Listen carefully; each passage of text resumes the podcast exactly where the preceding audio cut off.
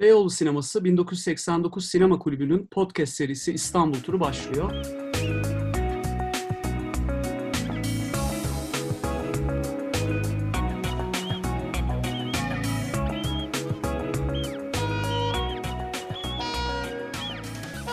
Ben Hakan Bıçakçı. Bu serinin moderatörlüğünü yapmaya çalışacağım. 15 günde bir farklı bir konukla farklı bir konuya dalıp gideceğiz. Ve İstanbul'u bir şekilde odakta veya fonda tutmayı deneyeceğiz. İlk konuğumuz Kutlu Kan Kutlu. Sinema yazarı, çevirmen, müzik ve edebiyat üzerine de yazan. Ee, Kutlu Kan hoş geldin. Hoş bulduk Hakan. Arada atladığım sıfat da olmuştur kesin. Ya önemli değil. Yazar, çizer, çevirir. Yeterli yani. Biz Kutlukan'la epey bir etkinliğe panele katılmışlığımız vardır. Başta distopya temalı buluşmalar olmak üzere bir dönem üstümüze yapışmıştı bu tema. Ya evet. Şimdi ise ilk defa bir podcast programında birlikteyiz. Bu arada en son Altyazı Dergisi'nin partisinde görüşmüştük. Kutlukan evet. epey bir muhabbet edip dertleşmiştik hatta. Ya doğru evet. Sonra da evlere kapandık malum sebeplerden dolayı. Karantina süreci nasıl geçti ve geçiyor, geçmekte senin için? Öncelikle bunu sorayım. Yani e, şimdi bizim meslektekiler diyeyim, hep şey konuşuyoruz. Yani bizim zaten yaşadığımız gerçekliğe çok aykırı bir durum değil diyoruz ama çok da öyle değil aslında ya. Evden çalışmanın önemli bir kısmı canının istediği zaman dışarı çıkabilmen aslında oluşturuyor. Yani bir cazibesi bu.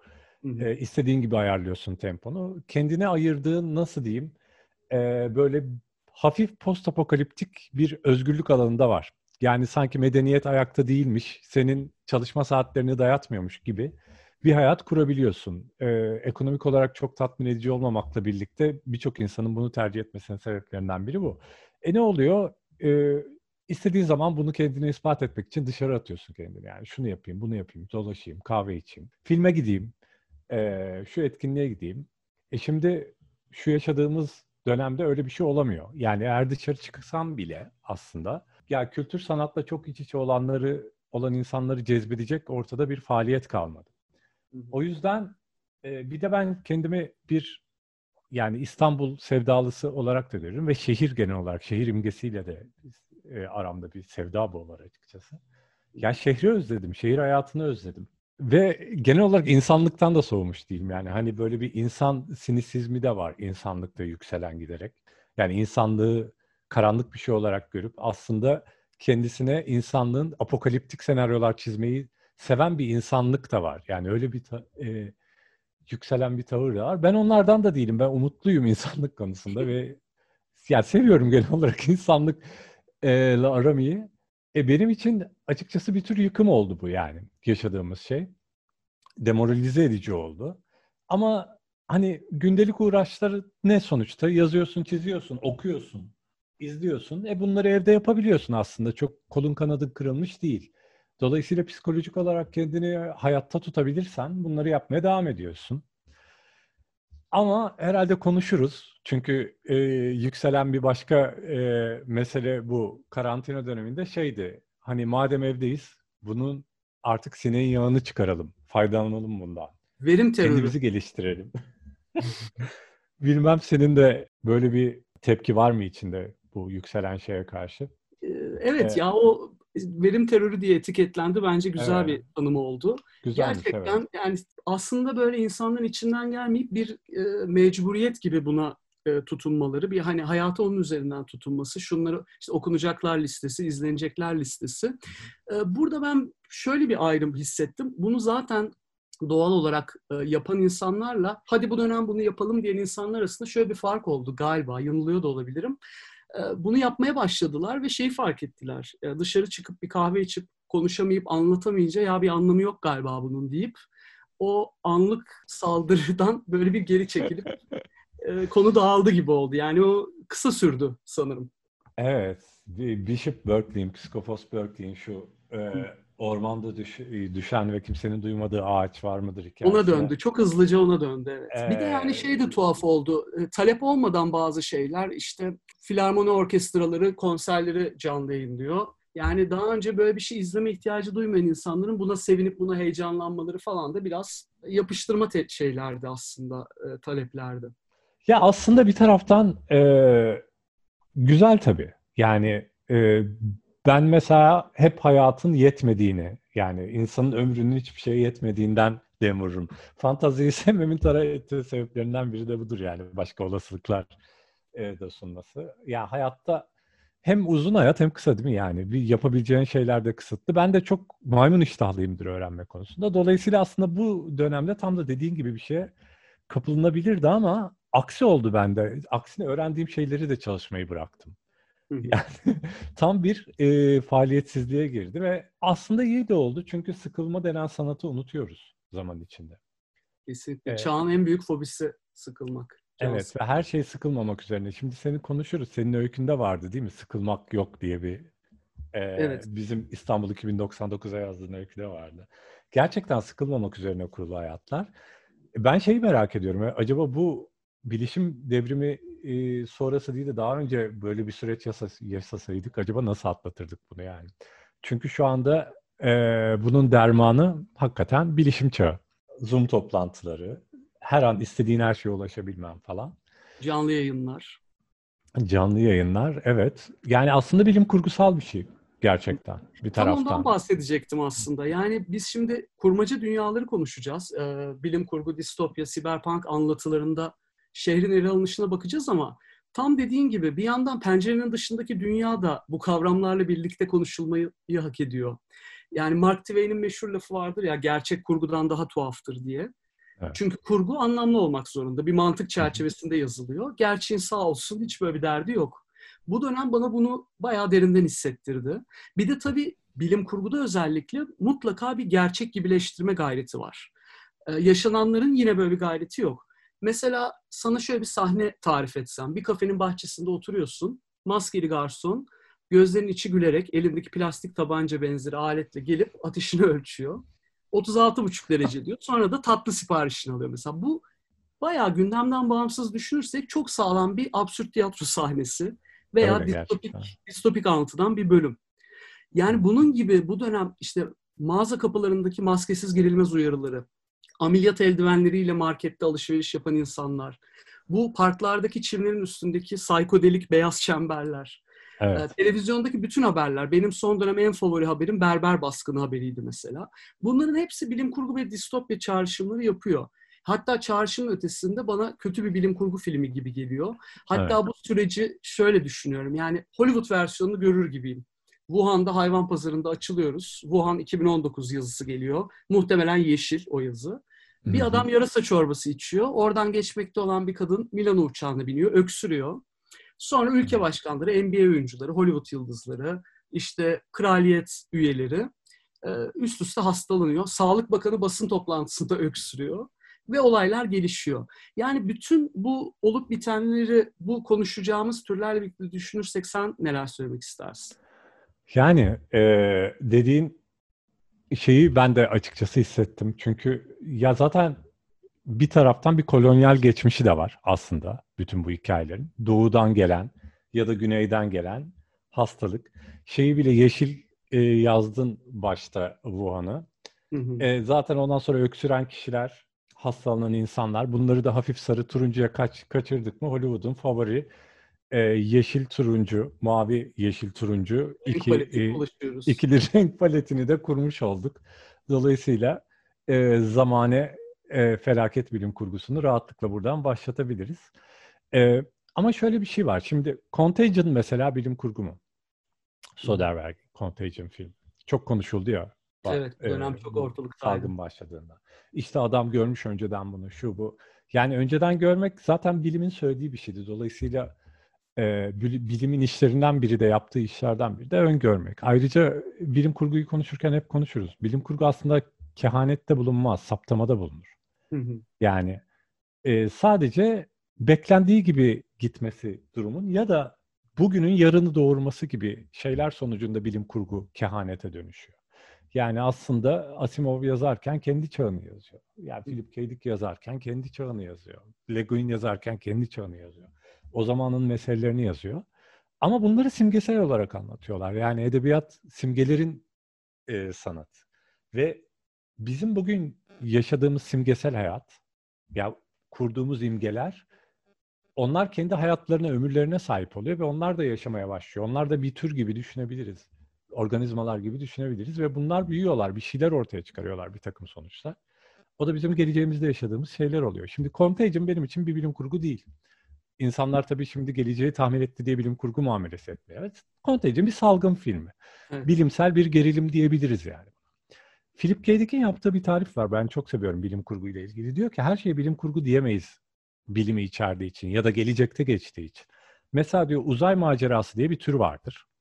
Ve aslında hani uzayda geçmesi dışında herhangi bir e, sıra dışı şeyi özelliği yoktur. Yani denizde geçen serüven hikayelerinin uzaya aktarılmış şeklidir bu. Philip K. Dick kendi açısından bilim kurguyu tarif ederken şey diyor. Benim için bilim kurgu temelde çok güçlü bir fikri olmalıdır. Bu fikir bugün bulunmayan daha sonra ortaya çıkmış anlatının dünyasında ve toplumun nasıl yaşadığını kökten değiştirmiş bir fikir olmalıdır diyor. Öyle bir şey olmuştur ki toplum yaşayışını değiştirmek zorunda kalmıştır o fikrin ortaya çıkmasıyla, bu olgunun ortaya çıkmasıyla. Benim sevdiğim bir açıklama. Yani illa buna göre bilim kurguyu kategorize etmiyorum ama benim için benim tat aldığım bilim kurguları böyle kategorize ediyorum. Düşünürsek işte ne bileyim e, Fahrenheit 451, e, Cesur Yeni Dünya, işte Blade Runner bunların hepsinde gerçekten toplumu kökten değiştiren bir şeyler o, oluyor. Şimdi senin dediğin Hollywood filmi örneğine bakarsak bunlar hani Hollywood'da high concept denen hemen bir cümleyle direkt prodüktörünü anlayıp anladım fikri şu tutar dediği şeyler.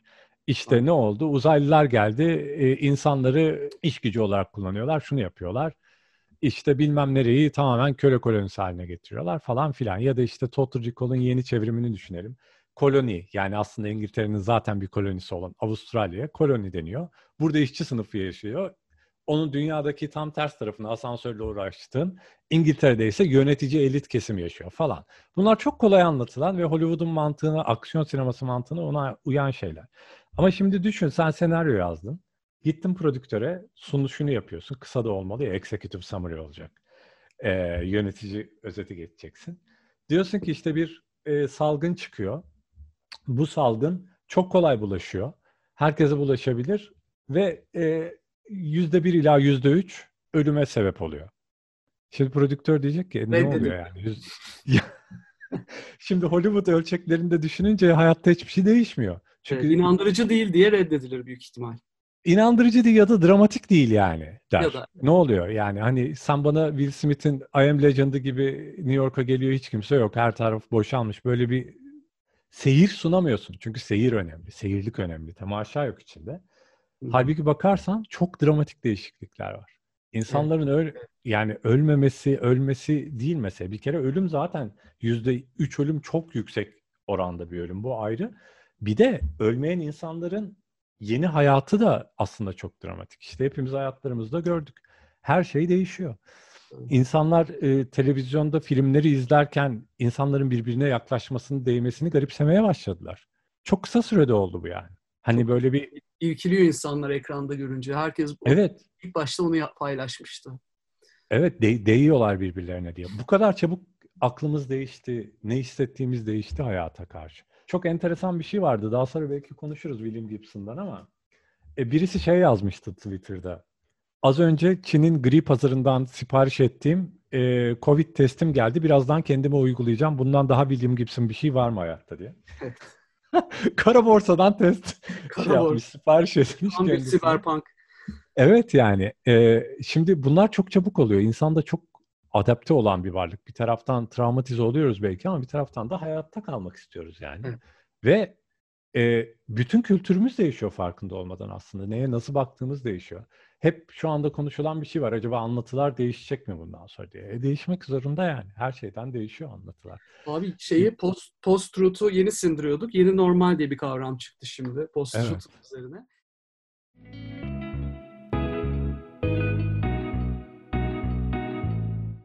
Dediklerinle bağlantılı şeyi de düşünüyorum yani bu süreçte farklı olan hani o bilim kurgu anlatılarında, korku anlatılarından farklı olan bir görünmeyen düşman mevzusu var ortada. Hı hı. Bu paranoyayı acayip körükleyen bir şeffaflık hali. Yani ilk aklıma mesela Invasion of the Body Snatchers geliyor. Evet. Tabii orada soğuk savaş metaforları devrede. İçimizdeki komünistler durumu.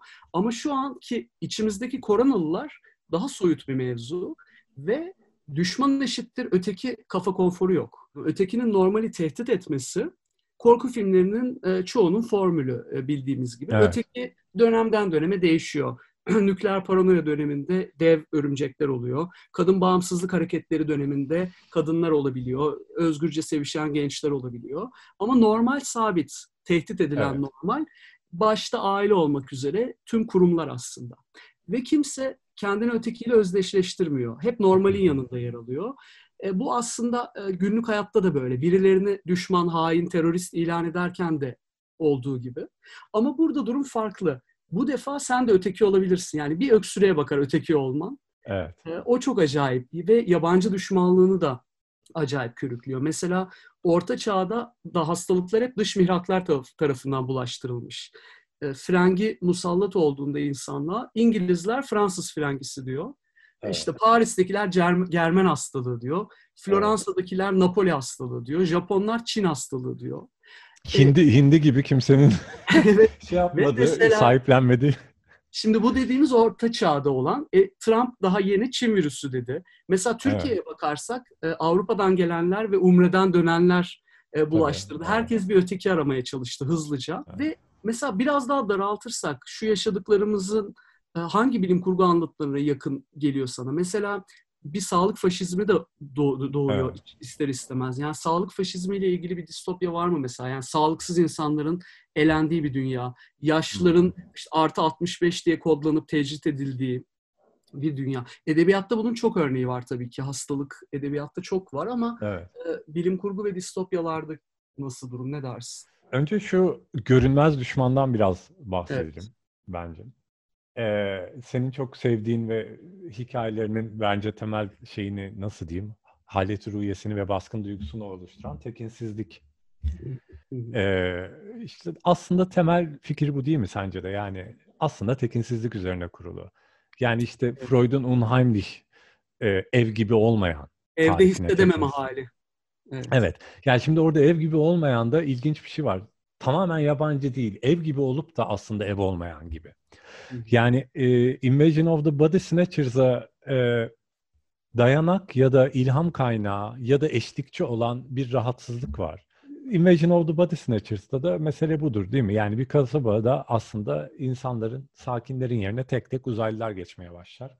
Bunları Ve dışarıdan bitkisi... bunu anlayamamış, anlayamıyor ama. Çünkü dışarıdan anladığında çok konforlu. Cildi yeşil oluyorsa Tabii. tamam çok temiz. Tabii. Ama o olmadığı zaman dediğin gibi tekinsizin sularına giriyoruz.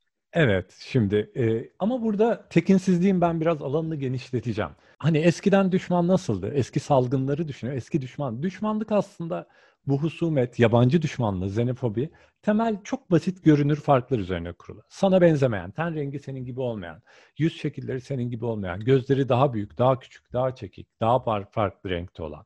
Yani bunlar üzerine çok fazla ayrımcılık var insan tarihinde. Yani mavi gözün, renkli gözün nazar değdirmesinden tut da yani kültürde. Bir sürü şeye kadar. E, koyu renge, koyu tene, siyahın olumsuz e, şeyler e, temsil etmesine bazı kültürlerde. Buna varıncaya kadar aslında bir sürü ayrımcılık e, aparatımız var yani. Ve ırkçılık aparatımız var kültürün içine işlemiş olan.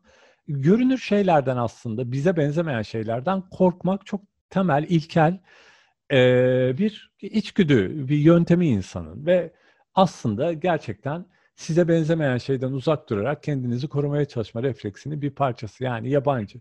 Bu şeye de gidiyor, kültüre de gidiyor sadece. Mesela barbar kelimesi. Bildiğim kadarıyla acem kelimesi de benzer bir mantıkta. Senin gibi konuşmayan ve de ne dediği anlaşılmayan insanlar. Aslında senin gibi konuşmuyorsa, senin gibi davranmıyorsa, sana benzemiyorsa temel olarak ona normal muamelesi etmiyorsun. Hani yeni normalden bahsettik ya. Normalliği kendi üzerinden tanımlıyorsun. Önce kendi ailen, çekirdek ailen. Ondan sonra kendi mahallen, sonra kendi toplumun ve buna benzemeyen her şey aslında normal dışı oluyor senin için. Ve giderek tehdit oluyor. Çünkü tabii bunun kesinlikle bence biyolojik bir takım şeyleri de vardır. İnsanlar eskiden daha e, birbirinden kopukken, bu kadar iç içe yaşamazken, bu kadar karışık değilken muhtemelen topluluklar birbirlerine hastalık bir virüs de taşıyorlardı. Bunun da muhtemelen bir şeyi vardır. Tecrübesinin bir e, anısı, bir izi vardır bütün bu ayrımcılık içinde ama nihayetinde biz e, yabancılardan sakınmayı insanlık genel olarak benimsemiş. Yani yapısı itibariyle çok ayrımcı bir kültürümüz var aslında bütün e, insanlık çapında bakarsan. E, ne oluyor? Daha sonra bu iş karışmaya başlıyor. Büyük şehirler giderek yerleşmeye başlıyor ve özellikle imparatorluk şehirleri kozmopolitleşiyor. Mesela genetik olarak bazı şehirlerin e, içinde aslında kozmopolit nasıl diyeyim tecrübenin e, izleri vardır. İstanbul'da aslında bunlardan biri. Hı. Yani bakarsan. İstanbul'un geninde de kozmopolitlik vardır aslında. Anısı vardır. Şu anda bunu belki tam tersine doğru götürdük bazı açılardan kültürümüzü ama nihayetinde diyeceğim eskiden e, salgınlar da görebildiğimiz şeyler üzerinden tanımlıydı. İşte cüzzam kolonileri. Aslında en büyük salgınlardan biri olarak geçen veba, hıyarcıklı veba, kara veba görünebilir sonuçlar olan şeydi. Fakat e, zamanla ve sen gördüğün sana tehdit olan şeylerden uzak durmayı öğreniyordun. Zamanla bence bu modernleştikçe modernitenin getirdiği şeylerden biri de görünmeyene inmek oldu. Aslına bakarsan mesela eski tıp aslında insanların mizaçlarına göre ayırıyordu. Ahlat erba dediğimiz humorlar var. Hani insanların yöneten aslında ve hastalıkların da sebebi olan ve dengenin ve dengesizliğin sebebi olan dört e, temel sıvı. İşte neydi? Safra, kara safra, e, kan, balgam. İnsan mizaçları da buna göre anlatılıyordu. Demevi, e, safravi, sevdai, balgami şeklinde insan mizaçları vardı. Yani içinde ne olup bittiğin mizacına da vuruyor diye anlaşılıyordu. Dolayısıyla yine bize çok senin dediğin gibi konforlu ayrımcılık e, seçenekleri sunuluyordu. Kendini demevi ya da safravi insanlardan mesela uzak tutmak. Şimdi burçlar var mesela bu konuda değil mi elimizde aparat olarak inananlar için yani. Böyle şeyler vardı. Dolayısıyla hemen etiketini koyup ayırabiliyordun. Sonra bir şeyler olmaya başladı ve insanlar bir arada yaşamaya başlamasından farklı kültürlerin ortaya görünmez bir takım değişiklikler çıkmaya başladı. Bu senin söylediğin Invasion of the Body Snatchers benim için mesela bir kırılma noktasıdır. Ne oldu orada?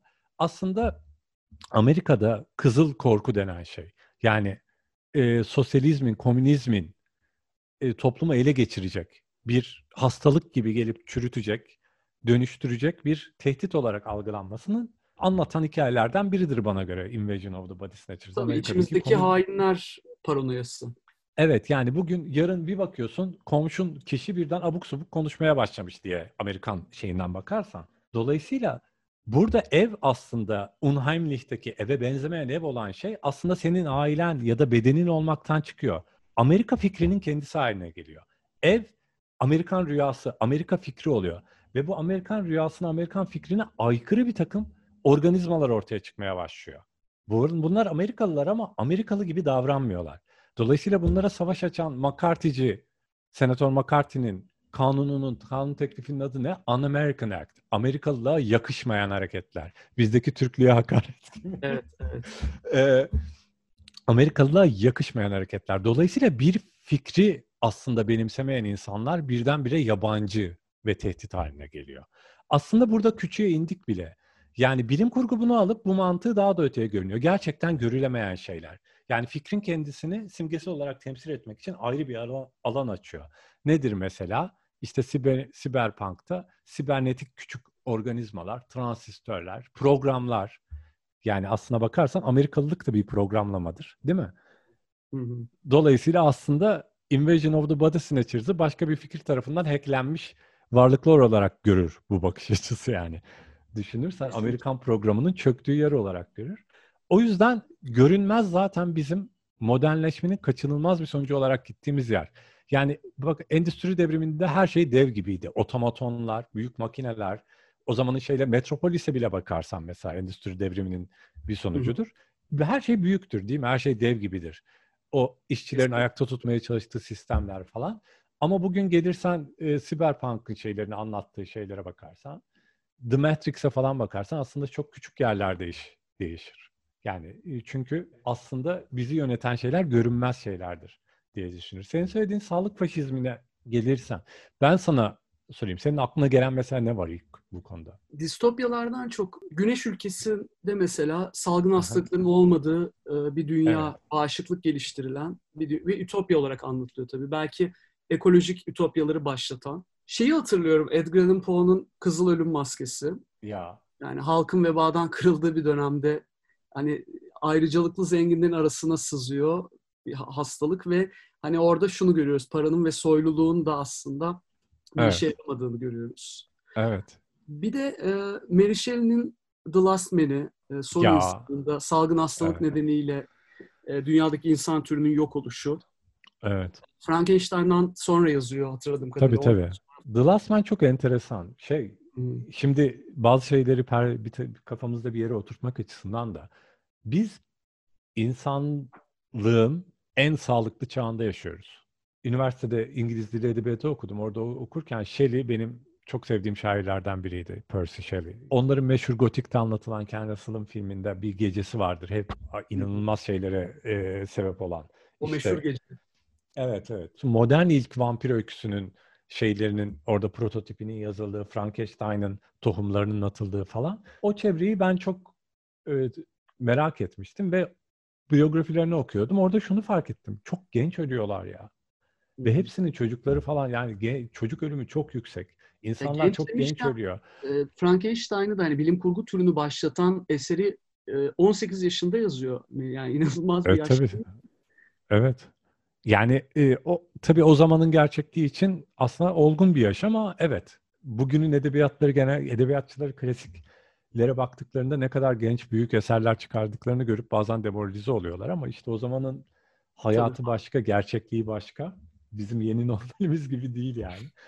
Ee, Tabii o, o gravürlerdeki, farkı... çok pardon, gravürlerdeki ha. o klasik besteciler, saç geleli, saçlı Tabii. başlı böyle görüyorsun.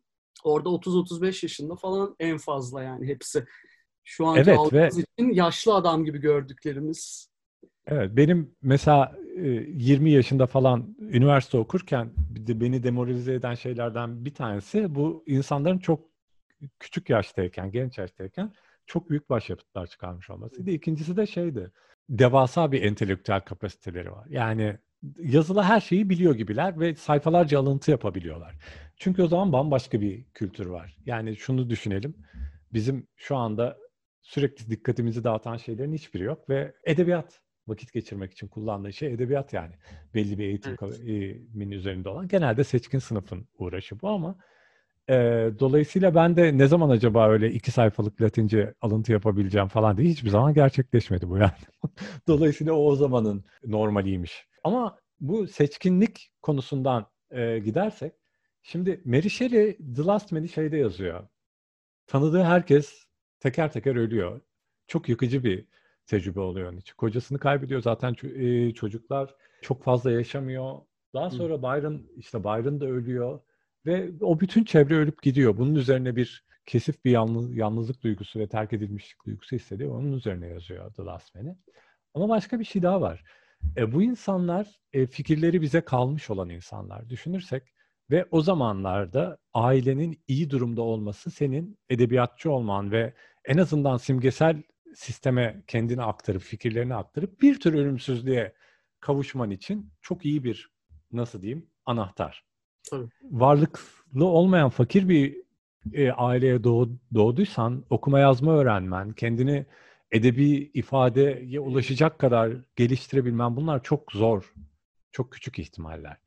Dolayısıyla aslında zaten daha nasıl diyeyim bizim yeni hayatımız başlamadan önce seçkinlik aslında her tür musibeti yenen bir ölümsüzlük aracı olarak vardı. Şimdi düşünelim vampirlik mesela bugünün salgın şeyleriyle, temalarıyla da çok yani. Aslında aristokrasinin bir başka e, şeyidir. Tabii.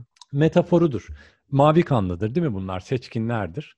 Ve aslında soy sürekli vardır. Yani aristokrasi soyunun ölmemesi ve yönetmeye devam etmesi bir tür ölümsüzlük olması. Her aile soyunun kendi içinde. Aslında vampirin ölümsüzlüğüne dönüşür. Yani bakarsak bir vampir aristokrattır. Ee, öte yandan mesela kurt adam diyelim ve daha sonra zombi tabii.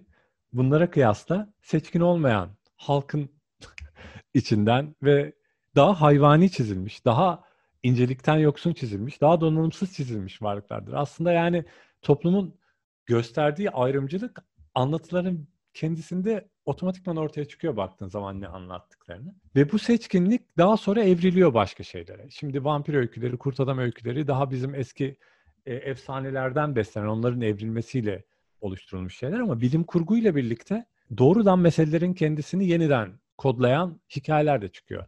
Sen mesela neyi söyledin? Gattaka'dan bahsetmedin değil mi? Bahsetmedim. Evet mesela Gattaca geno, genoma göre yani genetik ayrımcılık üzerine bir harika bir film Andrew Nicol'un yazdı ve yönetti. Doğru. Herkes olabilecek en iyi şekliyle genetik olarak mühendislik edilerek üretiliyor. Ve aslında sistem senin ne olup ne olamayacağını biraz belirlemiş oluyor. Hani Cesur Yeni Dünya'da da bu daha e, şiddetli bir şekilde vardır ya insanların ne olacaklarına göre üretilmeleri. Bebekten kuluçk şartlandırılma, kuluçkalan. Tabii tabii. Yani senin sınıfın belli olarak doğuyorsun. Aslında sınıf sisteminde güzel bir eleştirisi bu ama dolayısıyla ne oluyor? Burada bilimsel bir determinizm var.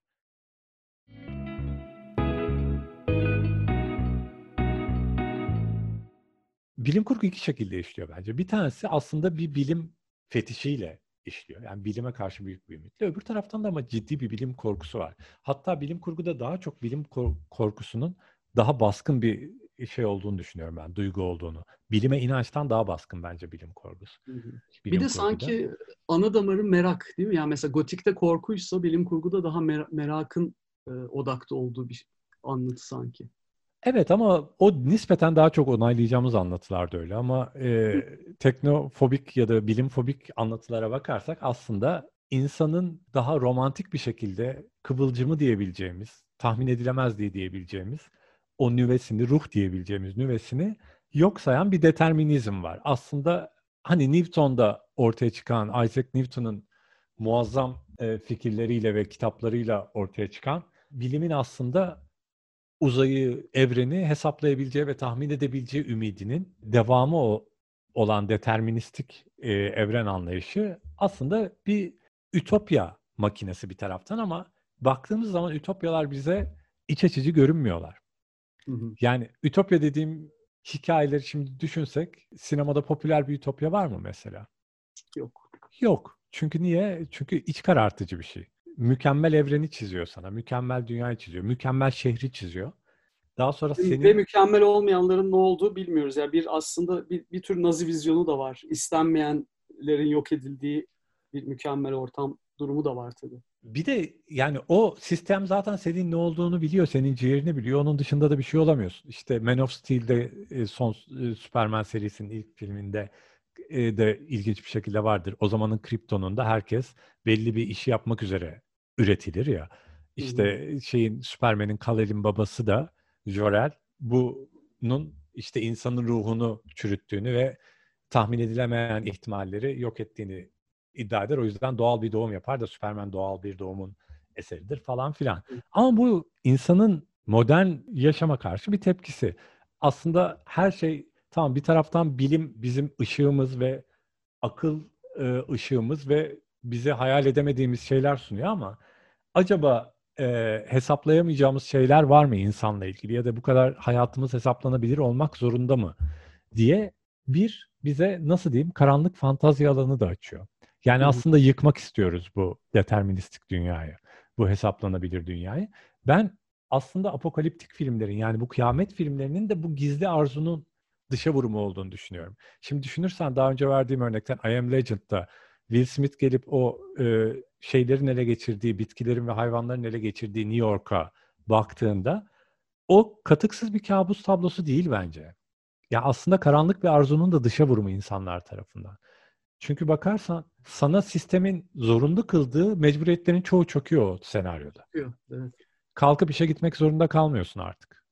Belki hiç inanmadığın işleri her gün 8 saat 10 saat yapmak zorunda kalmıyorsun. Toplumun senden olmasını beklediğin kişi olmaya çalışmak zorunda kalmıyorsun. Dolayısıyla bir... Saat e, duruyor neredeyse yani. Evet. Bir tür özgürleşme var bunun içinde. Yani içten içe aslında modern hayatta bir şeyler tarafından zorla bir şeyler oldurulduğumuz, yönetildiğimiz hissindeyiz sanki ve bunun da çökmesini beraberinde getiriyor. Şimdi buradan sağlık faşizmine geçersek bunları birleştiren çok güzel bir film var aslında. Bu Gattaca'daki fikri de alan. Michael Winterbottom'un Code 46 diye, Code 46 diye bir filmi var. Çok güzel çünkü bir taraftan e, aslında bu genom e, faşizmi diyebileceğim, ayrımcılığı diyebileceğim şey var. Bir taraftan da aslında bugün yaşadığımız sürece doğrudan bağlantı kurabileceğimiz şeyler var. Orada insanlar in vitro dedikleri yani laboratuvar ortamında da üretiliyor. rahimde e, doğdukları kadar laboratuvarda doğan insanlarda çok yaygın.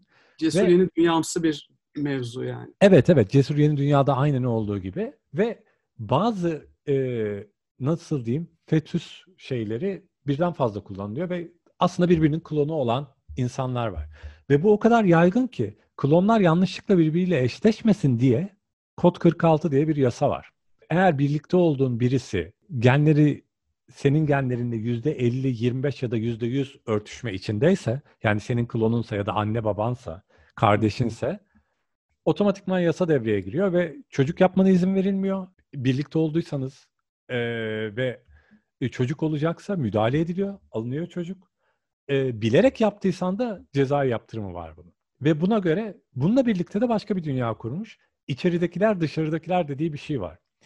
E, içeridekiler aslında seçkin sınıf. Şehirlerde nispeten e, ihtiyaçları karşılanarak yaşayan e, bir sınıf. Dışarıdakiler de artık yok olmaya bırakılmış, çok kötü şartlarda yaşayan fakirler. Ve içeride olanların içeride olması için bir tür pasaportumsu şeyleri var. Papel deniyor bunlara. Kozmopolit bir dünyası var. Çeşitli diller e, içeriye ve bunların dışarı çıkıp içeri girmesi için de yine pasaport gibi papel denen şeyleri almaları gerekiyor. Cover deniyor buna bir taraftan çıkma girme iznine. Çok ilginç. Cover bu sigortadaki kapsam lafının aynısı. Ve aslında yavaş yavaş anlıyoruz ki bu tam olarak pasaport değil. Senin sigortan bu. Dışarı çıktığında seni sigortalıyor mu şirket? Tehlikeli bir yere gidiyorsan mesela salgın e, varsa, etkilenebilirsen, bir şey sana bulaşabilirse sana sigorta vermiyor. Ve sen çıkamıyorsun. Fiili fiili olarak aslında senin sağlık açısından sigortalanıp sigortalanmaman nereye girebileceğini, nereye çıkabileceğini belli ediyor. Nitekim bir tane karakter kaçak bir şekilde insanlara cover satıyor. Ee, başka bir karakter de eskiden beri bu yarasalar üzerine araştırmacı ve Yeni Delhi'de yarasalar var. Asıl incelenecek yer Yeni Delhi'ymiş yarasalar. Oraya gitmek istiyor ama cover alamıyor. Sigorta e, izin vermiyor. Kaçak olarak alıyor o coverlardan ve çıkıyor. Ve nitekim orada hastalık kapıyor. E, çünkü sigorta aslında onun bu hastalığı kapabileceği ihtimalinden dolayı cover vermiyormuş. Yani sigorta karşılamıyormuş. Aslında haklı çıkıyor sistem. Fakat sorduğu soru şu. Sistem haklı olsa bile sen hayatında ne yapabil, ne yapacağını aslında sistem sana nereye kadar dayatabilir? Bugün tam bizim kendimize sorduğumuz sorunun aynısı. Kesinlikle.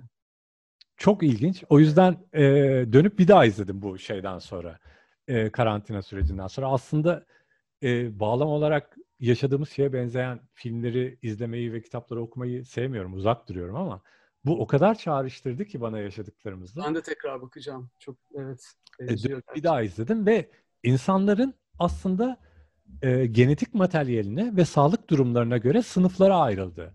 O dünyada mesela herkesin adları soyadları karışık ve şeyi görüyorsun. Mesela Şangay'da geçiyor. Şangay tamamen Asyalı bile değil.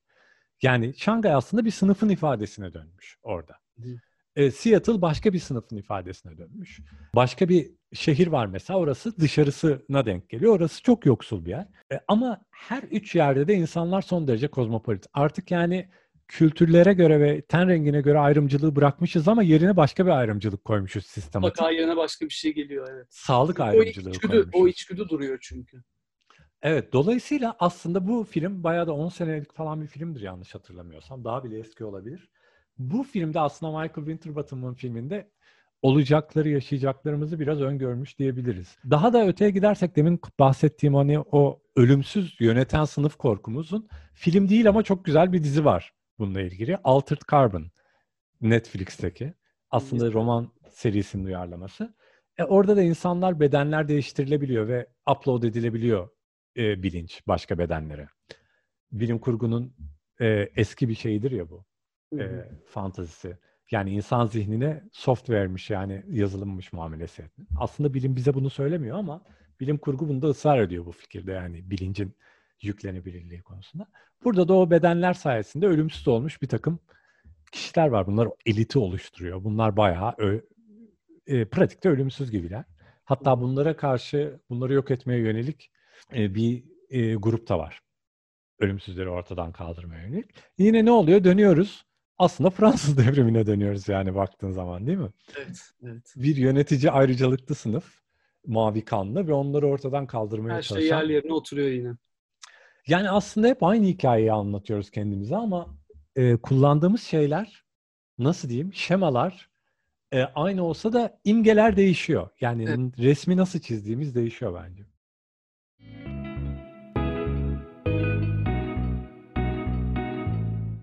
Yaşadığımız şeyin ya benzeyen bir şeyleri izlememe, okumama durumu gerçekten e, çok doğru.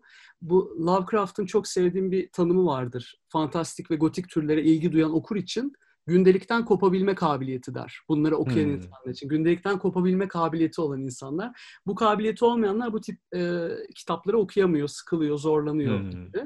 Şimdi bugün gerçekten gündelikten kopmak için çok kurgu dünyalara ihtiyaç yok. Günlük hayatın kendisi bizi gündelikten koparacak ayrıntılarla dolu. En başta evet. konuştuğumuz ayrıntılar. Biraz şehre gelirsek aslında e, bahsettik bir yandan ama bu bilim kurguda aynı zamanda sanki büyük kentleri işgal ediyor hep bu işte yaratıklar. Mesela Brontosaurus 1920'ler evet. Londra'sına dadanıyor. Evet. Sonra King Kong 1930'lar New York'una. Godzilla 1950'lerde Tokyo'ya gir- giriş evet. yapıyor. Hep bir aslında e, tehdit olan şey kent, şehir. Hı hı. E, Bradbury de kent bir yer, bir yer olmaktan çıktı bir metafora dönüştü der. Hakikaten evet. de mesela işte Dark City gibi örneklerde şehir hani bilincin belki egonun metaforu ve demin söylediğin gibi hep bir yer altındakiler, yabancılar var bilinç dışını temsil eden ve hep Dante, Dantevari yapılar var. Yani yukarıdakiler, aşağıdakiler e, sembolizmi. Evet.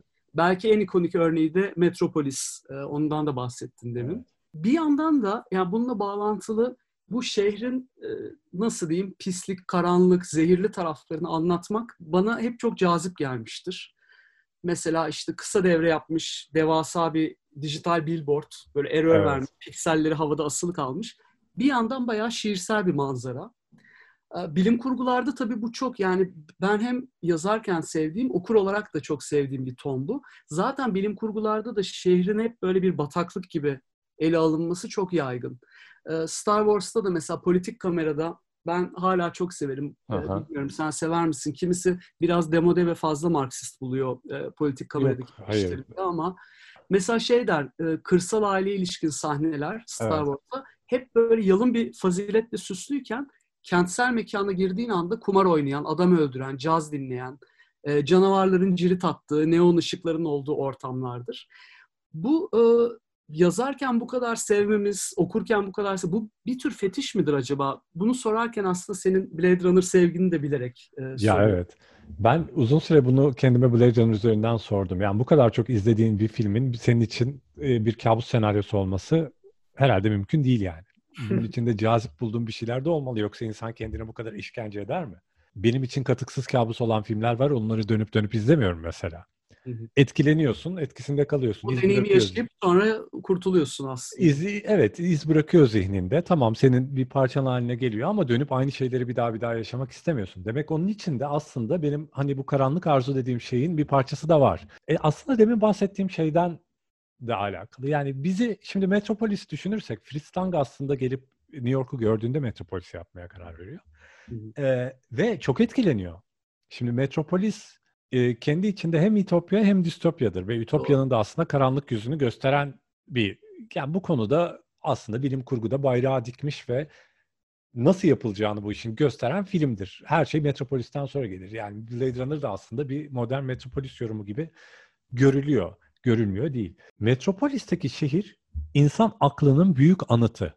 Aslında insan aklına, aydınlanma çağına, endüstri devrimine bir güzelleme gibi. New York'un kendisi öyle zaten. Ve e, şimdi bakarsak onun nasıl gösterildiği de tabii önemli. Yani yukarıdan baktığımızda, filme ilk girdiğimizde elit kısmın şehrini gördüğümüz zaman gerçekten ütopik gözükür. Çirkin değildir şehir orada. Büyüleyicidir. Aşağı indiğimizde karanlığa girer. Ben bunu çizgi romanlarda çok güzel, aslında ikisi de New York'un karşılığı olduğunu düşündüğüm Metropolis Superman'in şehri ve Gotham Batman'in şehrindeki karşıtlık gibi görüyorum aslında aynı şehri anlatıyor. Bence ikisi. Doğru. Yani ikisi de var Bazen, olmayan şehirler tabii ki de. Bazen insan üzerinden de yani e, Dr. Jekyll ve Mr. Hyde'ı mesela tabii. düşünürsek aslında kendisi de hani saygın doktorun normalde giremeyeceği ortamlara Hyde olarak girmesi. Tabii. Aslında bir, bir bünyede e, o Dantevari yapıyı görüyoruz. Biraz Tabii. Dorian, Dorian Gray'in portresinde de görüyoruz bunu. Belki evet. Faust'ta da görüyoruz. Tabii kesinlikle. Mesela Jekyll and Hyde demen iyi oldu. Daha önce Slumming demiştim. Ben girememiştim. Ona da şimdi girelim. Yani aslında tek bir şeyin iki ayrı yüzü bunlar. Gotham'la Metropolis. Aslında Superman de öyle. Yani Grant Morrison'ın harika bir kitabı var süper kahramanlar üzerine Super Gods diye. Orada e, aslında Superman'in temel olarak güneş tanrısı Batman'i de karanlık şövalye olarak alıyor ve mitolojiden beri gelen e, çok eski mito, mitlerden beri gelen bir zıtlığın vücut bulmuş şekli olarak bunları gösteriyor. Ve çok güzel imgelerle de anlatılabiliyor. Superman'in çok meşhur bir imgesi arkasına güneşi almış ve yerden yüksekte aşağıdan gördüğümüz şeydir. Aslında tanrıdır, güneş tanrısıdır o ve aydınlığın kaynağıdır. Batman ise hep tam tersi şekilde resmedilir. Sokakların varlığıdır, karanlık içindedir, gözükmez ne oldu. Ee, bu karşıtlık gibi. Aslında şehir hakkında ikisini de hissediyoruz. Bir başka şey daha sonra konuşuruz belki demiştik ama mesela polisiyede de Agatha Christie'nin, Dorothy Sayers'ın yazdığı Cozy İngiliz polisiyesinde çok zeki, neredeyse elit bir sınıfa sahip, ayrı bir varlık gibi olan aklıyla dedektif vardır. Biz o olamayız yani. O özel niteliklerle donatılmıştır. Ama sonra geliriz Amerika'nın sokak dedektifine, Emmett'ların, işte Hardboiled'lere, kara polisiyelere. Tabii dedektiflerine o sokağın varlığıdır ve aslında aklı değil, sokağın ne kadar organizması olmasıyla işler. Yani network'iyle, şebekesiyle, ağıyla, çevresiyle işler. Şehir varlığı olması sayesinde bir takım olayları çözebilir. Mesela Blade Runner tam bunun örneğidir. Zaten bütün cyberpunk aslında hardboiled denen o Amerikan dedektifliğinden beslenir. Ve aslında burada şuna geliyoruz. Yani o cyberpunk'ta aslında e, karakterlerin tamamen şehir varlığına ve hani genel olarak halka dönüştüğü şeylerdir. Aslında yani İngiliz klasik şömine başı polisiyesi Cozy'den Hardboiled'e geçiş aslında o mans şeylerimizden, malikanelerimizden çıkıp sokağa inişin bir Tabii. bir şekilde anlatısıdır. S- şey Jekyll and Hyde ise benim çok sevdiğim bir hikaye ve aslında bütün fantastik kurguyu, modern fantastik kurguyu Jekyll and Hyde üzerinden yorumlamaya da çok meyilli oluyorum genelde yani. Tabii tüm süper çok... kahramanların da bir anlamda atası. Yani Hulk'u düşünürsek de öyle mesela. Tabii. Tabii. Ama mesela Hulk çok güzel bir örnek. E, çok net bir Jekyll and Hyde öyküsü. Evet. Ama onun dışında da çünkü temelde şeyi düşünelim. Aslında yani bence Jekyll and Hyde rasyonel insanla rasyonellik öncesi insanın verdiği savaş üzerine kurulu. Hı hı. Ee, bir tarafta bizim mitlerle, hikayelerle, hayallerle, rüyalarla oluşturulmuş anlatımız var. Bir taraftan da aslında aklın ortaya koyduğu ihtimaller var.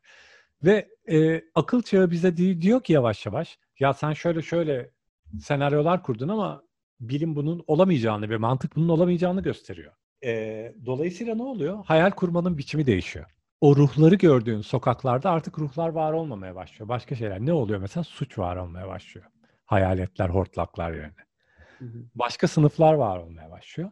Ve e, aklın ve gerçekliğin sahibi e, kesimle e, bunlar üzerine kafa yormaya vakti ve lüksü olmayan kesim arasında da bir uç, uçurum oluşuyor. Şimdi Jekyll and Hyde'a bakarsak Dr. Jekyll bir İngiliz seçkinidir, centilmenidir, doktordur, çok prestijlidir, muteber beyefendidir.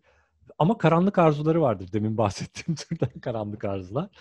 E, şimdi ve bunları gerçekleştirir. Jekyll and Hyde hikayelerinde genelde atlanan budur. Hep Hyde olduktan sonra bir takım karanlığa e, meylettiği gibi e, anlatılır ama aslında Dr. Jekyll Hyde olmadan önce de gidip Londra'nın fakir semtlerinde e, centilmenlere yakıştırılmayacak, yak, e, hiç yakıştırılmayan bir takım şeylerle.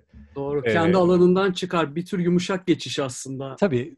Aslında bedenin bedenin e, yani Jekyll and Hyde'ın şey demesinde nasıl diyeyim şemasında hayvani tarafının kendi içindeki hayvani ve karanlık tarafın çağrısına vahşetin çağrısına yani e, karşı koyamaz. Vahşet değil aslında o yabandır. Onu da hep yanlış çeviriyorlar. Neyse. şey gibi cesur yeni dünya gibi değil mi?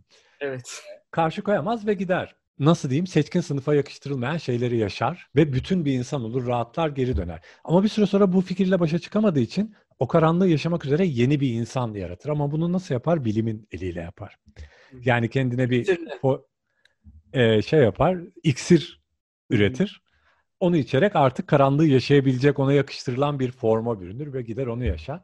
Çok ilginç bir şekilde Jekyll Hyde yazıldığında Londra'da slumming denen zenginlerin fakir mahalleleri neredeyse turistik olarak ziyaret edilme, etmesi üzerine kurulu bir kültür yükseliyor. Bunlar bayağı otobüse doluşuyorlar. Çok ilginç yani hakikaten. Vakaları var. Gidiyorlar. Hatta kıyafetlerini değiştiriyorlar dikkat çekmemek için. Ve fakir mahalleleri geziyorlar. Çok ilginç yani insan safarisi yapıyorlar bayağı ya. Çok acayip. Ya gidip orada başka bir türmüş gibi orada yaşayan insanlar içlerine karışıp onları inceliyorlar.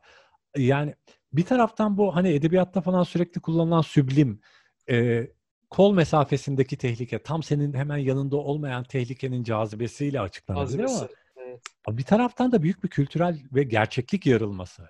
Ya o kadar farklı iki bir gerçeklik haline gelmiş ki bu. Bir taraf için gerçekten başka bir güneş sistemine gitme işte bilim kurguda başka gezegenleri gitmek kadar yabancı ve nasıl diyeyim tekinsiz bile değil. Gerçekten yabancı bir şey haline gelmiş. Bu slumming açısı bence bütün fantastik kurguya ve daha sonra bilim kurguya giriyor.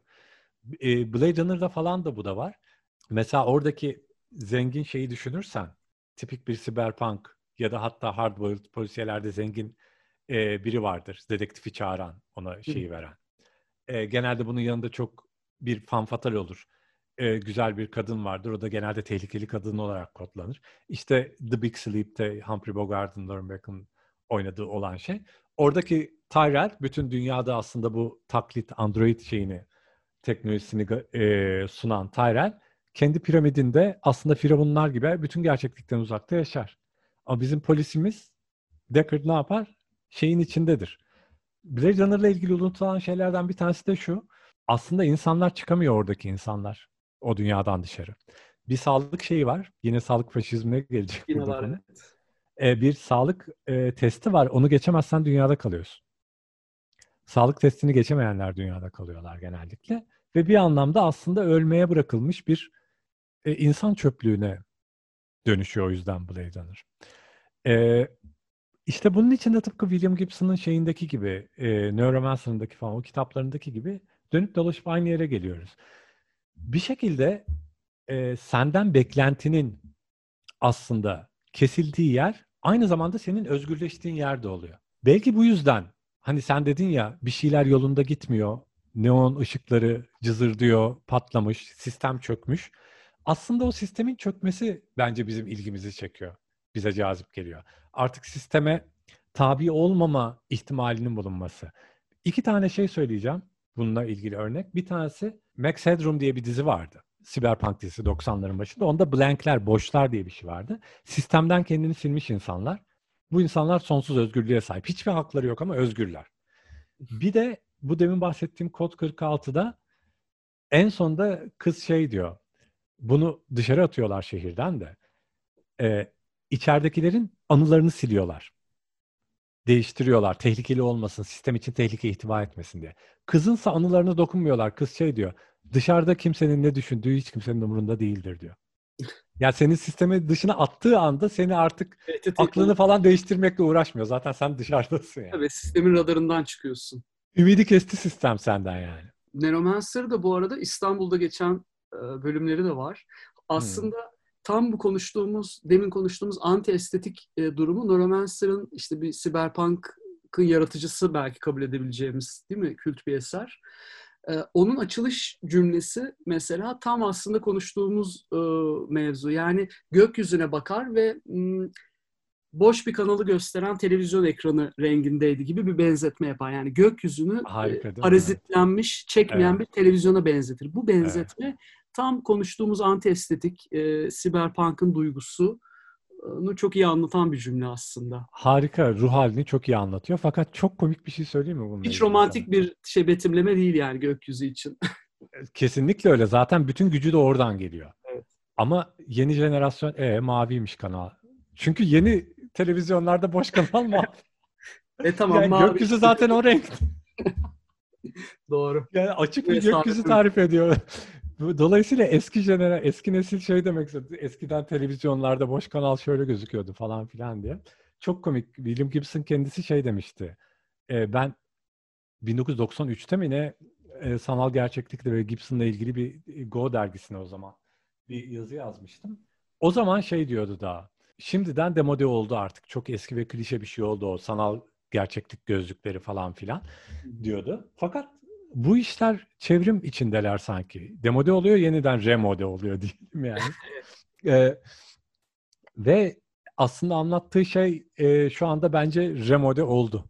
Tamam artık mavi renk gözüküyor olabilir e, televizyonlar ama işte e, William Gibson'ın anlattığı gerçeklik aslında fikir olarak en başta anlattığım şey. Yani o te- temel toplumu te- değiştiren temel fikir aslında o zamandan daha gerçek şu an için hayatımızda. Doğru. Yani görünmez diyoruz ya mesela hani görünmezlikten bahsettik.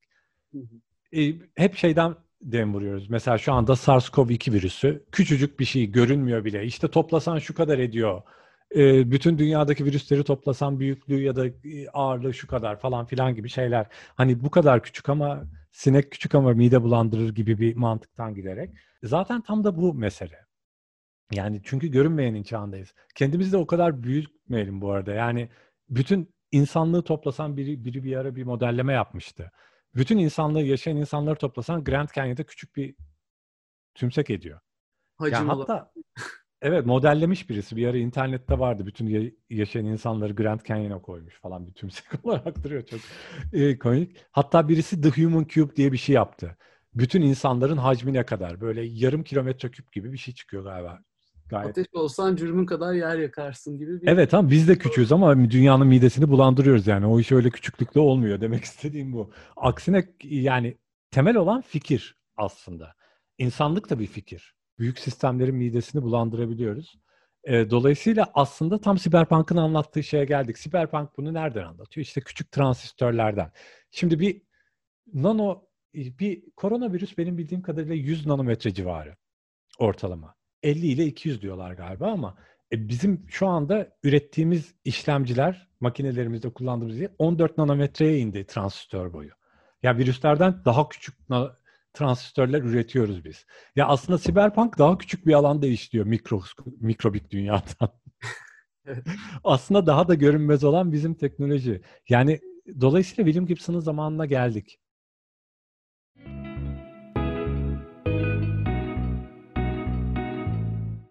Peki İstanbul'a gelirsek son olarak, biraz İstanbul'a genişten olarak e, geldik ama iyi de oldu evet. bence. E, biz ilk başta bahsettiğin ortak bir çalışmada da yer almıştık. İstanbul 2099 e, evet. kitabı geçen sene değil mi? Geçen seneydi. Doğan evet, ya 2019'da 2019'da çıktı. Evet. Kutlukan Kutlu'nun Aslı Tomcu ile birlikte editörlüğünü yaptığı bir kitap. E, ben de bir öyküyle katılmıştım. Son öykü benim öyküm kitaptı. Cesur evet. Yeni İstanbul öykünün evet. adı. Ve öyküde insanların evlere kapandığı ve yaşamın, eğlencenin, işte her şeyin sosyal medya üzerinden aktığı bir öykü yazmıştım ilginç bir şekilde. Ama bu kesinlikle bir kehanet değil. E, bununla ilgili bir şeyler böyle Twitter'da falan da e, gördüm. Bu öyküde hı hı. bugünümüzü anlatmışsınız falan gibi. E, kesinlikle kehanet değil aslında bu. Çünkü virüs yerine hükümet baskısıydı benim öykümdeki mevzu. Yani sokak olayları kontrolden çıktığı için e, bastırma telaşıyla insanlar evlere kapanmıştı ama çok çok mutlulardı evlerde. Birbirlerine bağlanıp, birbirlerinin hayatına bağlanarak yaşıyorlardı. Ölünce de bir mekanizmayla e, bedenleri evden alınıyordu. E, yani neden çok farklıydı ama sonuç yakındı. İstanbul'a kurmacada çok yer verilmiyor herhalde değil mi? Yani Neuromancer'ı andık ama hani ne bileyim bir New York gibi İstanbul bu tip anlatıların mekanı sanki değil. Hani tarihine bakarsak son olarak istersen bir e, tüm evet. konuştuklarımızı bir İstanbul'a odaklayarak e, tamamlayalım. Yani şimdi ben dediğim gibi o bahsettiğin İstanbul 2099 projesi benim için bir nasıl diyeyim aşk projesiydi. Çünkü e, yani distopya zaten sen söyledin beraber ne kadar çok distopya paneline katıldık. E, ikimizin de meraklı olduğu bir konu. Belki istediğimizden çok daha fazla konuştuğumuz artık bir konu hakkında, hakkında ama e, İstanbul'da benim için ya bir fikir olarak sadece bir mekan olarak değil bir fikir olarak da bir sevda. Yani e, bir bir tür survivor şehir İstanbul. Çok ilginç bir şekilde. Yani İstanbul dediğimizde mesela tarihi çok zengin bir tarihi var falan filan diyoruz ama dönüp dolaşıp hele ki şu e, kültürel iklimde uzun ve zengin Osmanlı tarihinde sürekli bahsediyoruz ama yani daha Bizans öncesinde bile Bizantiyonken bile İstanbul bir taraftan sürekli Persler akın ediyor, bir taraftan sürekli Yunanlar akın ediyor çok e, aslında zengin kaynakları açısından balıkçılık gibi elinde bir nimet de bulunan ve çok da güzel bir yere yapılmış bir şehir ve başı beladan pek kurtulmuyor zaten yani. E, bu Yunanlarla Persler arasındaki gelgitin ortasında bu ateşin içine yakalanıyor. Aslına bakarsan yani dilleri, kültürü, inançları falan değişiyor çok e, zaman içinde. E, farklı medeniyetlere ev sahipliği yapıyor ama yani şimdi şeye bakmak lazım. Aslında bir şehir e, birinin imgesinde sürekli yaratılıyor mu? Yoksa aslında o şehir size bulaşıp sizi biraz belki tamamen de değiştiriyor mu? Hı hı. E, şimdi Survivor şehir derken şundan bahsediyorum. O şehrin de sanki bir geni var ve o genden sana bir şeyler geçiyor. Yani bunu bir bulaşıcılık gibi de algılayabiliriz kendi şeyimiz üzerinden. Yani İstanbul insana bulaşıyor. Bütün tarihiyle, bütün e, birikimiyle, hissiyle bulaşıyor. E, ve şehir sevdalıları da genelde bu bulaşma biçimini seviyorlar. Yani karşılıklı bir bulaşma olarak görmek istiyorlar. Mesela benim işte benim için en zor taraflarından biri İstanbul'dan kopmaktı bu karantina. Yani İstanbul'un bir parçası olarak hissetmiyorum artık kendimi. Çünkü evin bir parçası haline geldim tamamen. Şimdi aslında böyle bakarsak e, tarihinde çok da felaket var. Zaten İstanbul bir afetle oluşmuş bir şehir bakarsak yani buraları su basıyor ve boğaz oluşuyor. Boğazın oluşumu çok eski 100 bin yıllık bir olay değil bir 10 bin yıllık falan bir olay. Ve onun üzerine oluşuyor İstanbul. Ben onun e, İstanbul 2099'un girişinde yazdığımız ön sözde İstanbul'un oluşumu e, imgesiyle ilgili bir pasaj vardır. İstanbul Boğazı'nda balıkçılık kitabını al muazzam bir görüntüdür. O e, seller İstanbul Boğazı'na gelirken orayı izleyen birisinin gözünden hayal etmeye çalışmış. Ve ayrıca unutmayalım fay hattı üzerinde bir şehiriz. Yani felaket ve afet fikri İstanbul'a hiç zaten yabancı değil. E, kozmopolitlik fikri hiç yabancı değil. Her tür bilim kurgusal fikrin, bilim kurguda görebileceğimiz her fikrin aslında tarihi e, nasıl diyeyim öncülleri bir şekilde İstanbul'un tarihinde var. Üstelik senin anlattığın absürt hani o tiyatro sahnesi dediğin gelip birinin ölçtüğü ateşinin bunu e, taş çıkaracak vakaları da var. Korkunç, komik yani e, işte e, tarihimizdeki garip vakalar kitabında Reşat Ekrem Koçu'nun mesela İstanbul'da geçen çok ilginç bir takım vakalar vardır. E, o yüzden İstanbul her şeyi bekleyebileceğin o büyük romantik şehir imgesinin tam karşılığı olan şehirlerden biri. Gibson'ın Neuromancer'ının bir kısmı İstanbul'a geçiyor dedik ya orada İstanbul adı ilk geçtiğinde Gibson'ın belki de en meşhur kahramanı olan Molly Millions şey diyor İstanbul'a gitmiş miydin diyor Case'e. O da hayır diyor. Bad Old Town diyor. İngilizce. Şimdi tabii bunu eski kötü şehir diye çevirebilirsin. Ee, ama bu cesur yönü dünya gibi bir çeviri olur. bir çeviri olur evet. İronik yani daha ya Bad Old Town orada bir sokak samurayı denen ve sokakta gerçekliğini yaşayan ve Survivor olan bir karakterin ne olursa olsun ayakta kalabilen, hayatta kalabilen bir karakterin gözünden bakınca bir tür aslında baş selamı. Tabii. Ayakta kalabilmiş bir şehre. Bad Old Town dediği görmüş geçirmiş hey gidi koca şehir gibi de bir şey Tabii. aslında. Ve bu zenginliğine bakınca bilim kurguda çok yeri yok. Yani bir Londra, bir Paris gibi bilim kurgunun tutkulu olduğu ve bir sürü öykü adadığı bir şehir değil. Ama özellikle son zamanlarda yani son 30 yılda diyelim tarihe biraz daha farklı açılardan yaklaşıp alternatif tarih kuran hikayelerde göz bebeklerinden biri ilginç bir şekilde İstanbul.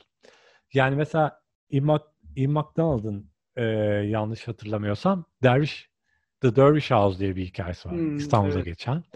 E, nispeten e, ünlü alternatif tarih diyelim. Yani alternatif tarih değil de şark odaklı bilim kurgu kitaplarından biri. Arabesk üçlemesi var. John Courtney Greenwood'un enteresan bir alternatif tarih üçlemesi. E, genelde batılı yazarlar yazdıklarında, alternatif tarih kurduklarında hani Philip K. Dick'in Yüksek Şato'daki adamında hani Naziler kazansaydı ne olurdu sorusu soruyor ya. Hı hı. Bir sürü batılı e, yazarın kafasında da acaba Hristiyan batı toplumu yerine Müslüman doğu toplumu şu anda dünyanın hakim gücü olsaydı nasıl bir dünyada yaşardık sorusunu soruyor. Ee, eskiden Sultan Punk adını veren buna birisi vardı. Bir incelemeci vardı. Çok hoşuma gitti. Gitmişti. Yani bu sınıfı oluşturmaya çalışması hoşuma gitmişti.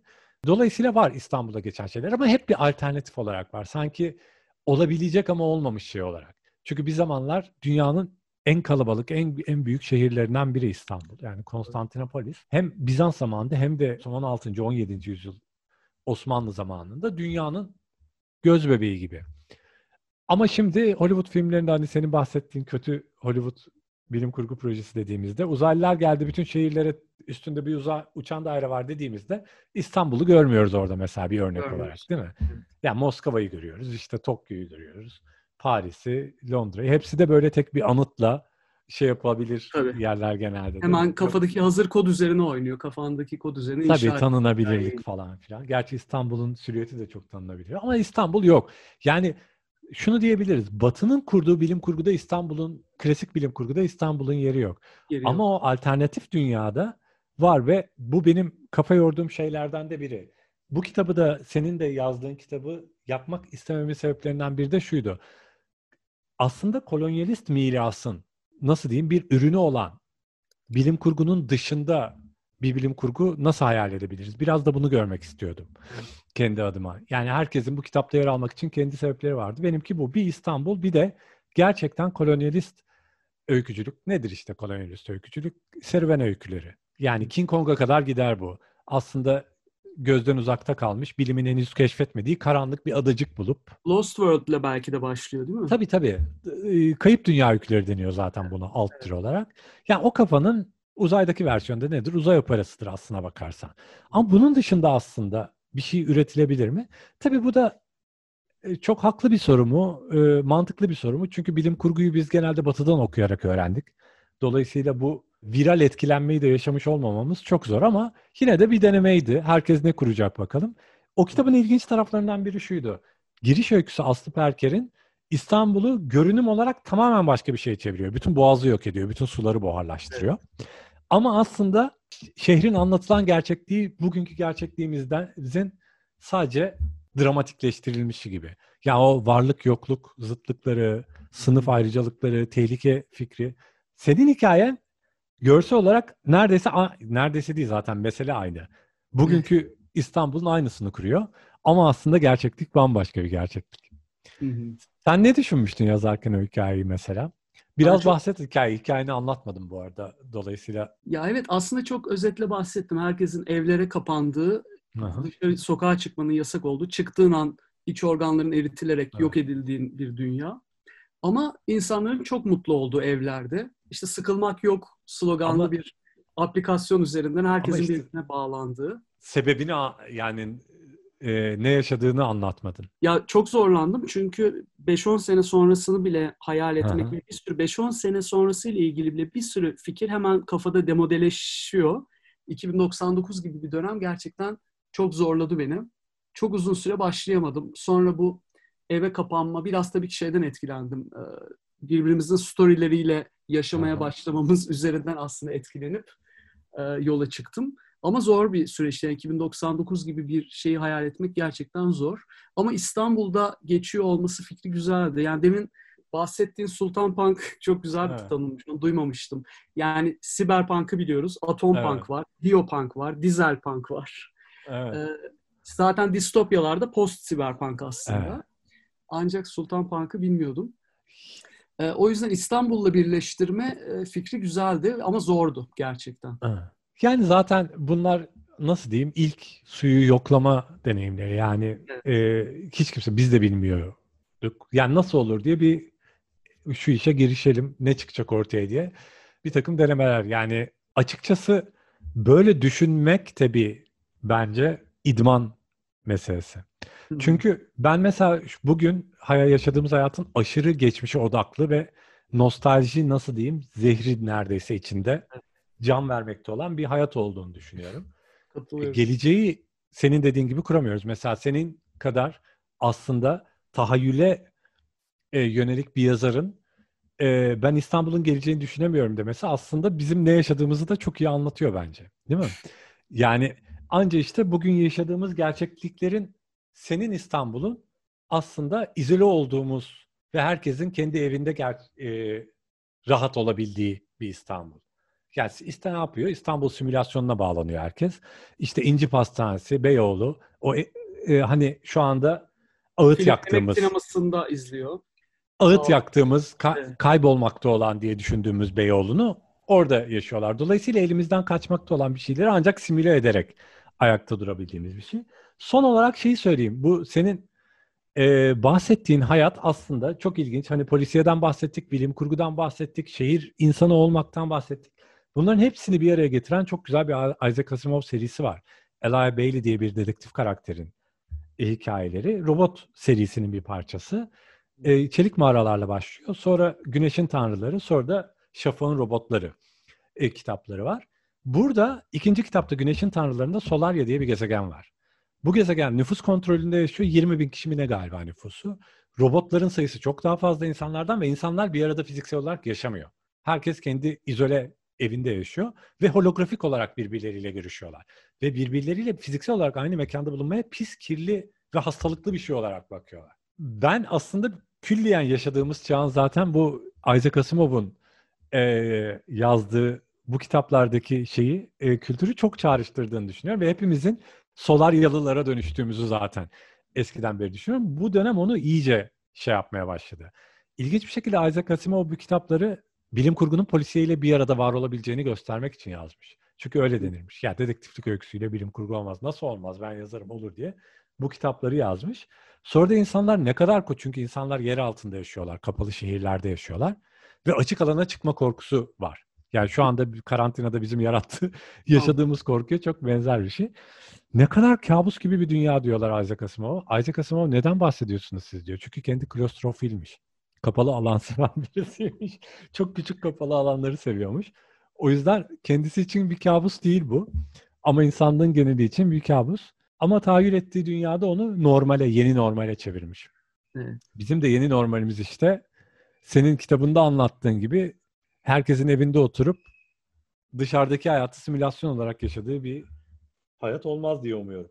Umuyorum. Yani e, benim bilim kurgularda çok cazip bulduğum bir durum e, fizyolojik, fiziksel koşulların değişmesiyle psikolojik koşulların ona yavaş yavaş adapte olup böyle sıcak sudaki o kurbağa deneyi gibi e, adapte olup mutlu bir şekilde yaşadı. Yani korkunç bir ortamla o ortamda çok barışık, çok mutlu insanların bir aradalığı.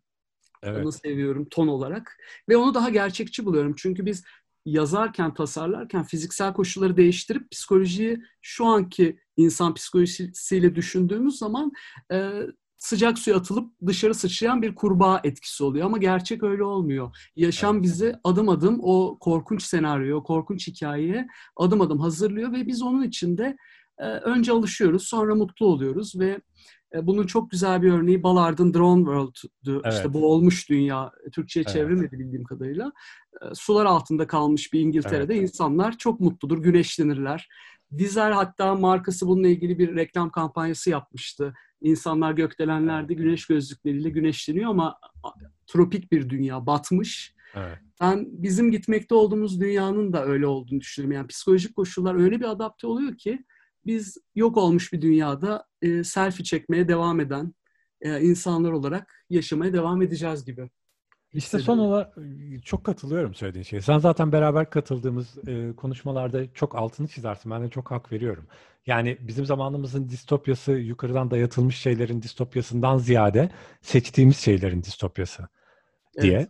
Yani işte e, çok basitinden e, genelde kaybolur. Tıpkı Jekyll and Hyde'da Dr. Jekyll'ın aslında e, muteber İngiliz centilmeniyken de o karanlık mahallelere gitmesi. Karanlık tabii burada tırnak içinde onun bakış açısından. Gitmesi e, gibi. Ya mesela Fahrenheit 451'de insanların aslında isteyerek kitap okumayı bırakmış olması detayı genelde atlanır. Yani az insanlar oyluyorlar kitapların ortadan kaldırılması için. İnsanların kendi seçtikleri bir şey. Yani yukarıdan tepeden inme bir şey değil bu. Ee, çağımız öyle. Bence zaten aslında bizim yaşadığımız nasıl diyeyim gerçeklik internetin dönüştürdüğü bir insanlığın gerçekliği. Yani insanlık tarihinde birkaç tane çok önemli kırılma noktası var. İşte bir tanesi tarım toplumuna geçişse, ikincisi endüstrileşme ise, üçüncüsü de bence bilişim çağı. Başka insanların aklının içinde ne olduğunu bilerek hiç yaşamamıştık şimdiye kadar yani kafasının içinde. Yani bu yepyeni bir, Çok büyük bir kırılma oldu. Ve hepimizi ufak ufak delirtiyor bence bu. Yani herkesin ne düşündüğünü bildiğimiz bir dünya bizi delirtiyor yani.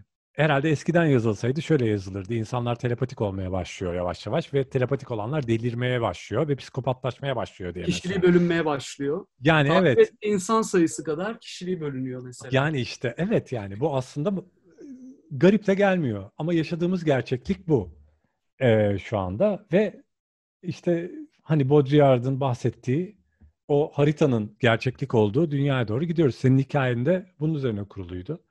O yüzden bence çok gerçek bir şeyi temsil ediyordu. Evet. O zaman yavaş yavaş bitirelim. Kutlukan her zaman olduğu gibi seninle konuşmak, dinlemek çok büyük zevkti. Çok teşekkürler. Benim için de öyle her zaman. Kabul edip katıldığın için. İstanbul turunun sonuna geldik.